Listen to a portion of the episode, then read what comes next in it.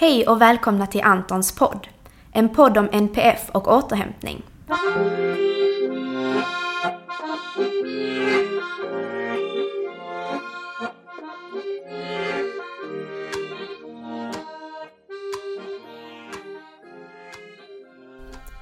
Jag heter Marie och kommer att i dessa poddavsnitt utforska olika aspekter av hur det är att leva med eller tillsammans med någon med NPF, neuropsykiatrisk funktionsnedsättning.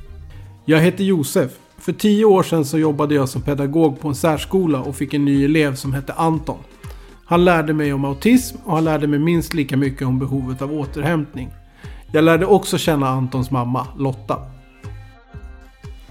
Att leva med Anton är både fantastiskt och underbart. Men det är också utmanande. För Anton har svår autism och det påverkar hela familjen. Vi är ofta helt slutkörda och har ett stort behov av återhämtning. För att skapa möjligheten att få anpassad återhämtning skapade Lotta, Josef och Antons läkare Helena föreningen Antons hus. Denna podden handlar inte om Anton, men Anton har vi alla gemensamt. Podden är för er alla som också har en Anton.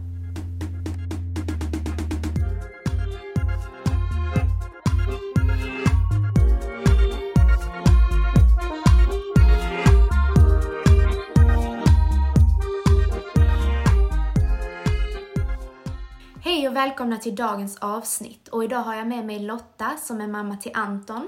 Hej! Och Peik som är barn och ungdomspsykiater. Hej. Och de båda sitter i Antons hus styrelse. Idag ska vi återigen prata lite kring ett kapitel från boken United in Autism, Finding Strength Inside the Spectrum av Julie Hornock.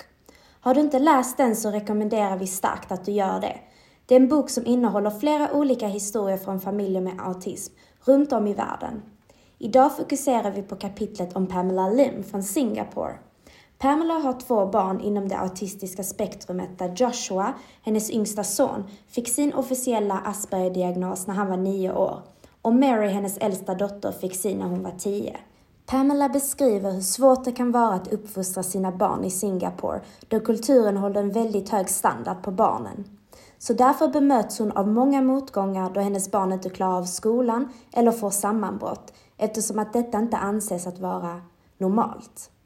Och hon känner hur folk tittar på henne och ifrågasätter hennes sätt att uppfostra sina barn som hon inte är tillräckligt sträng eller gör ett bra jobb. Så om vi börjar med dig Lotta. Du har ju Anton, din son, med autism. Känner du igen dig i det som Pamela beskriver om kulturen i Sverige? Ja, det gör jag faktiskt. Nu kan jag ju inte kulturen i Singapore. Som hon beskriver det i sitt kapitel så kanske det, det de kan få ännu högre krav på sina, på sina barn och, och eh, att man ska, skillnaden på att vara artig och lyckas och prestera i skolan är, är, och att misslyckas är kanske större än vad den är i Sverige. Det kan, jag, det kan jag inte avgöra, det kan jag bara gissa. Men den här känslan av att inte riktigt att man inte räcker till och att man kanske curlar som förälder istället för att säga nej och att, att ens släktingar och omgivningen har andra förväntningar. För, för autism syns ju inte utanpå. Mm. Ja, just det, det här med curling också. Det är ju så att om man träffar en person som vem som helst så kanske man utgår från att den här personen är som alla andra och klarar vissa saker och man kan ställa krav på den personen. Man har lite klart för sig vilka krav som är rimliga och då kan man ha en uppfattning att omgivningen kan curla den personen om det blir för mycket liksom eh, duttande och eh, att den personen inte behöver ta sitt eget ansvar och så vidare. Men när det handlar om personer med en funktionsnedsättning så är det ju det att eh, de i viktiga funktioner inte är på den nivån som den här genomsnittliga personen. Och det betyder att om man ställer vissa krav så är det rena överkrav. Och eh, visst stöd är inte alls curling utan det är faktiskt vad som behövs för att det överhuvudtaget ska fungera. Mm. Och, och där tar hon, Pamela tar ett bra exempel i kapitlet där hon berättar att de åker till farmor och farfar för att eh, äta, de brukar åka dit och äta middag. Och då brukar de klä barnen i pyjamas för att när de sen somnar när de åker hem igen så kan de bära in dem i sängarna direkt. Och det var ju smart, men en gång så hade de glömt hans pyjamas. Och eh, han, alltså han fixar inte att ha andras kläder för de, de, han var väldigt sensitiv, taktilt känslig så att han känner han alla sömmar och sånt. Han behöver sina egna. Och man kunde inte ta på de gamla kläderna för då, då hade han känt sig jättesmutsig och det går inte. Så att han, det var en väldigt viktig grej för den här sonen att få sin pyjamas på sig. Och hon visste att han kommer till att få eh, ett utbrott. Han kommer till att få en meltdown, som man säger på svenska också. Så att hon körde hem och hämtade pyjamasen så att det skulle bli en bra avslutning. Och det hade ju eh, farmor och farfar väldigt svårt att förstå. Då tycker de att det här är något man måste lära sitt barn, att, att, att sådana här situationer kan uppstå. Och ett nej, ett nej och man, att det var att curla. Och att hon då i så fall skulle göra sin son en otjänst. Att inte lära honom att hantera en sådan situation. Och där är det som du säger mm. Pek, att det går inte att ställa ett sådant krav på en person som har den typen av autism som den här killen mm. har. Jag har glömt vad han hette, men eh, Liam. Ja, det är precis Joshua, det. Att, att, att förvänta sig en förmåga som eh, personen i fråga inte har. Nej. Alltså, ett, en person utan autism har den förmågan. Mm. Där stämmer eh, de här farföräldrarna eller morföräldrarna, deras, det skulle stämma på en person som inte alls har autism. Mm. De kan ta sig samman lite, de kan lära sig och mm. så vidare. Men här kan det bli oöverstigliga hinder som måste passeras med det här med eh, sensorisk känslighet, eh, fixering vid vissa eh, föremål och så vidare som är väldigt extremt vid autism och som inte alls fungerar på samma sätt som för personer utan autism. Nej, och där är det ju väldigt viktigt att vi föräldrar ställer upp för vårt barn med autism och struntar i att de tycker att man curlar. Ibland kan man förklara det, ibland kan man inte. Men har man bra anhöriga där, eller bra, de andra är också bra, de gör sitt bästa utifrån sina kunskaper. Men att få ett bra stöd där är ju att farmor eller farfar säger att, men du att du inte kör hem och hämtar en pyjamas, för han klarar ju inte det. Att man får stöd i de besluten. För man känner ju själv att man misslyckas lite som förälder också. För man vill ju att ens barn ska lyckas och man vill att barnet ska vara som alla andra. Så man känner själv att, åh, ska jag eller ska jag inte? Men så vet man att det ska jag, för det behövs. Men det krävs en styrka, så skulle man få det stödet från omgivningen då, mm. att de säger, men vet du, eller säger, jag, det kan ju vara svårt att någon annan skulle köra hem, men att du uppmuntrar beslutet att faktiskt göra det som hjälper barnet i denna situationen. Det är verkligen att få stöd från sin omgivning. Men det måste också vara så att man inte alltid kan förklara för folk när man är ute liksom i samhället och det händer någonting. Själva situationen kan man inte det, men oftast så kan man liksom eh, berätta att, att, min pojke har autism och mm. att eh, jag håller på att hantera situationen. Och folk kan ju gå in och googla det i så fall. om de... Det finns också, som Autismföreningen vet jag, har små, små lappar liksom typ ett visitkort som man kan dela ut. Mm. Så man kan säga, nu har du upplevt en, en situation med en person med autism eller ett mm. utbrott eller så. Och här och här får du mer information. Mm. Men då ska man ha den lappen med sig, så ska man mm. hitta den och så ska man tänka i situationen. Man är så fokuserad på ja. sitt barn då. Men vad hon också säger är att det kan vara svårt att förklara för en äldre generation. Men där är jag nog lite hård. Att jag tycker nog att det, det är mänskligt. Alltså det beror, det beror sig inte på vilken generation man är utan där måste man intressera sig och, och förstå att människor gör inte på olika sätt av ett val. Jag kan ta ett exempel när Anton han mådde inte riktigt bra så vi skulle gå ut, bara gå en promenad runt kvarteret där vi bor. För att eh, det brukar hjälpa att kunna gå ut och gå. Då brukar man kunna samla sig. Men denna gång gjorde inte det det. Utan han la sig ner på trottoaren och vrålade och skrek. Han var 12 år eller något sånt där. Mm. Och då är det en granne som öppnar fönstret från en balkong och skriker att ligg inte där och vråla. Så säger jag till honom att eh, han har autism och jag är hans mamma och jag hjälper honom i situationen. Det gör du ju inte så bra, säger gubben. Mm. Jag ringer polisen. Eller är det ambulansen? sa han. Alltså jag var ju arg så jag kunde, så att jag hoppade. Och jag menar, då kunde jag ju inte hjälpa Anton precis, för då var ju, det, det smittar ju. Att man blir arg och upprörd smittar. Mm.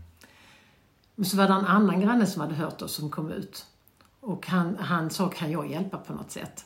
Så sa jag, ja, för ibland hjälper det att det kommer in en annan mm. person och inte jag. Och jag, han var, han var en stor tolvåring. Så han sa, jag sa till honom att eh, du, kan, du kan ta fram din hand och fråga om han vill ta den och gå med dig. Du får räkna med att du, han kanske spottar på dig. För Anton spottar när han mm. menar gå, för då hittar han inte orden. Ja, ja, sa han då. Men Anton spottar inte på honom. Utan han tog hans hand och så hjälpte hon, han, grannen som var snäll, med hem. Men jag tänkte att det är bäst att vi inte går för nära surgubben som hade gått ut på trottoaren. För att om inte Anton hade spottat på honom så fanns det ju risk att jag skulle göra det. För jag var så arg för en sån oförstående person. Och jag tänkte liksom att en dag så, kanske han behöver sjukvård och kanske får upptäcka att allting kan inte sjukvården lösa. Det bara är så. Men ehm, jag försöker att undvika att gå förbi hans brevlåda eller hans balkong. Men eh, det sitter kvar, sånt sitter kvar länge. Men däremot så får jag ju fokusera på grannen som hjälpte till och var väldigt bra. För de är faktiskt de flesta.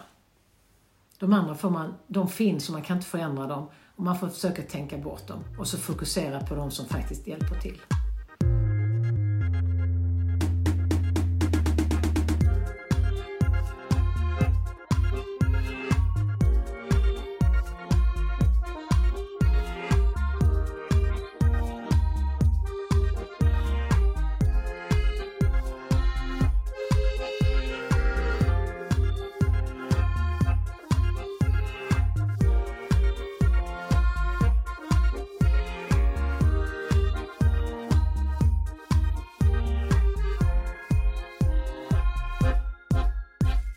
Vad är det för oro man mest stöter på som familj med autism? Ja, jag tror nog att det är att, man, att människor som inte har förståelse för en situation eller för autism, att den människan fi- fin, sitter i en position som man är beroende av. Ja, och där är, har ju jag erfarenhet från min eh, långa period eh, som barnpsykiater av familjer som eh, upplever oförstående från till exempel från myndigheter, eh, då, från eh, framförallt eh, skolan kanske eller från Försäkringskassan. Eh, och eh, där kan det ju bli sv- stora och svåra situationer där föräldern måste vara en sorts eh, försvarsadvokat för, för sitt barn. Eh, vilket kan vara tufft många gånger. Och eh, ja, ibland kan de ju få en viss hjälp från oss, från, eh, till exempel från barnpsyk eller habiliteringen eh, i detta. Men, men eh, de får ju stå för väldigt mycket själva som föräldrar faktiskt, eh, har jag upplevt. Och, och det är ju jobbigt och tufft. Ja, det är det faktiskt. För man måste hela tiden rota fram det som inte fungerar. Och jag vet när vi sökte till exempel för personlig assistans till Anton. Men då måste man berätta liksom, det är faktiskt så att de mäter hur många minuter tar det att borsta tänderna. Ja. Hur lång tid tar det att torka sig om man har kissat eller bajsat? Hur lång tid tar det att ta av sig? Hur lång tid tar det att ta på sig? Alltså det är på den nivån. Det är Ja. så förnedrande. Och det måste man sitta och prata om då för en annan person. För Anton kan ju inte själv prata. Och jag tänker också från min eh, synpunkt, jag får ju då ofta skriva utlåtanden kring detta. Och då, då får jag också tänka på att eh, i de sammanhangen, när det handlar om att söka resurser, så måste man lyfta fram allt det negativa, så mycket negativt som möjligt. Vilket är, lite går emot en annan princip där man egentligen bör ta fasta på det positiva för att eh, bygga på det och skapa en positiv förändring. Så man får liksom förklara för familjen att ja, nu måste jag faktiskt eh, uttrycka det här väldigt negativt för det ökar chansen att få någonting från Försäkringskassan till exempel. Och det är inte så att man överdriver, utan det är sant. Det är så. Det är bara det att för att överleva så tänker jag att okej, då av, av, av en veckas att duscha så kanske Anton lyckas att duscha själv eller gå in i duschen och sätta på kranen en gång själv. Av tio då kanske. Och då är det ju den saken jag vill lyfta fram. Och så vill jag gärna tänka att nu, nu börjar det nog förändras. Nu börjar han nog lära sig och bli... Så det är ju det jag vill berätta och det är det jag vill fokusera och komma ihåg. Men i de här situationerna så måste jag ju säga att men nio av tio gånger så klarar han inte det. Men de gångerna försöker jag ju förtränga. Så ärligt talat, nu var detta ett rätt så enkelt exempel, men alla de här problemen som måste lyftas fram, och på ett sätt kan jag förstå det, för det är ju det som hjälpen ska byggas på. Och allt det här. Men, men samtidigt vill jag också att de som arbetar med det måste förstå hur fruktansvärt jobbigt det är att göra de här ansökningarna. Jag kan nästan bli att jag struntar i Nu har jag inte råd till det. Men jag hade gärna kunnat säga att jag struntar, jag vill inte ha hjälpen för att slippa gå igenom allt det här.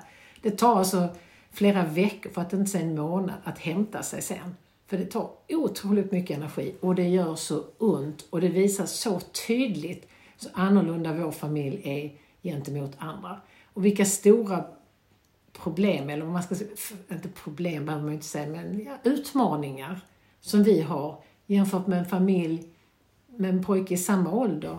De kanske har andra utmaningar, men just de här utmaningarna är så gigantiska. Och bara för att man har autism innebär ju inte det att man inte är tonåring och har allt det andra också. Så det gör riktigt ont och jag önskar att eh, personer som jobbar med, med hantering av ansökningar och sånt här kan förstå det. För jag har stött på läkare som sagt, just som du sa Pekka, att jag måste lyfta fram det på det här viset. Men jag vet att det finns bitar som fungerar eller är på väg att fungera också. För de läkare, många av dem förstår hur knäckande det är för oss föräldrar. Och personer med autism kanske, som kan själv ta del av det. Att det är väldigt besvärligt.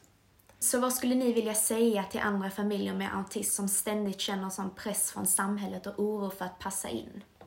Vi kommer inte passa in. Så det är bara att acceptera att vi är som vi är och vi är bra som vi är. Och vi berikar samhället med att det finns olika. Och tur är väl det. Mm. Ehm, och den styrkan måste vi ge oss själva och träna på som både föräldrar och hjälpa syskon att känna så. Och att framförallt hjälpa personer med autism att känna så att man är bra, man är faktiskt världsbäst på att vara den man är. Och det räcker fint, det är hur bra som helst. Mer än så behövs det inte. Mm. Och att man eh, får strunta i de som inte förstår, för man kan inte ändra dem. Mm. Och så får man fokusera på de som faktiskt är bra och hjälper en, för de är flest. Eh, det kan kanske vara en viss hjälp ändå om man eh, jobbar på att sprida kunskapen om autism i samhället och bland de som arbetar med, som vi nämnde innan, Försäkringskassan och så vidare. Eh, alltså man kan åstadkomma en bättre kunskapsförmedling så kan det kanske vara en viss hjälp i alla fall. Oh, jag är så glad att du tar upp det. Lång förstås. Det är ju inte alltid de här organisationerna så lätt tar till sig av det här men jag är så glad att du tar upp det. För jag har ju faktiskt ett, ett, ett litet företag som heter trellkunskap.se. Och eh, där håller jag föreläsningar till olika yrkesgrupper hur det är att vara förälder och med autism och lite kunskap om autism och hur man kan bemöta på ett bra sätt. Och det, de som går på de utbildningarna är lite blandat. Så det är ju jätteroligt ja. att de är intresserade av att gå där. Men de människorna som verkligen behöver det, de är ju de man inte når. Nej. För de tycker ju att de kan allt redan. Ja. Men man får vara tacksam för det som är. Ja. Och Antons hus ger ju också mycket information på sin hemsida. Mm. Och med det så tackar vi för oss och tack för att ni har lyssnat. Glöm inte att följa oss på sociala medier för att lära dig mer om autism och om vårt projekt Antons hus. Gå in på vår hemsida, www.antonshus.se, för där hittar ni all information om Antons hus och var ni kan följa oss. Där uppdaterar vi även när nästa avsnitt av Antons podd släpps. Tror du på idén om Antons hus som vi gör? Då kan du hjälpa till genom att sprida information om Antons hus till din familj och dina vänner. Det viktigaste är att vi når ut till så många som möjligt. Eller så kan du swisha en slant till 1234 72 71 03. Vi tar emot bidrag, både stora som små. Vi ses i vårt nästa avsnitt. Hej då!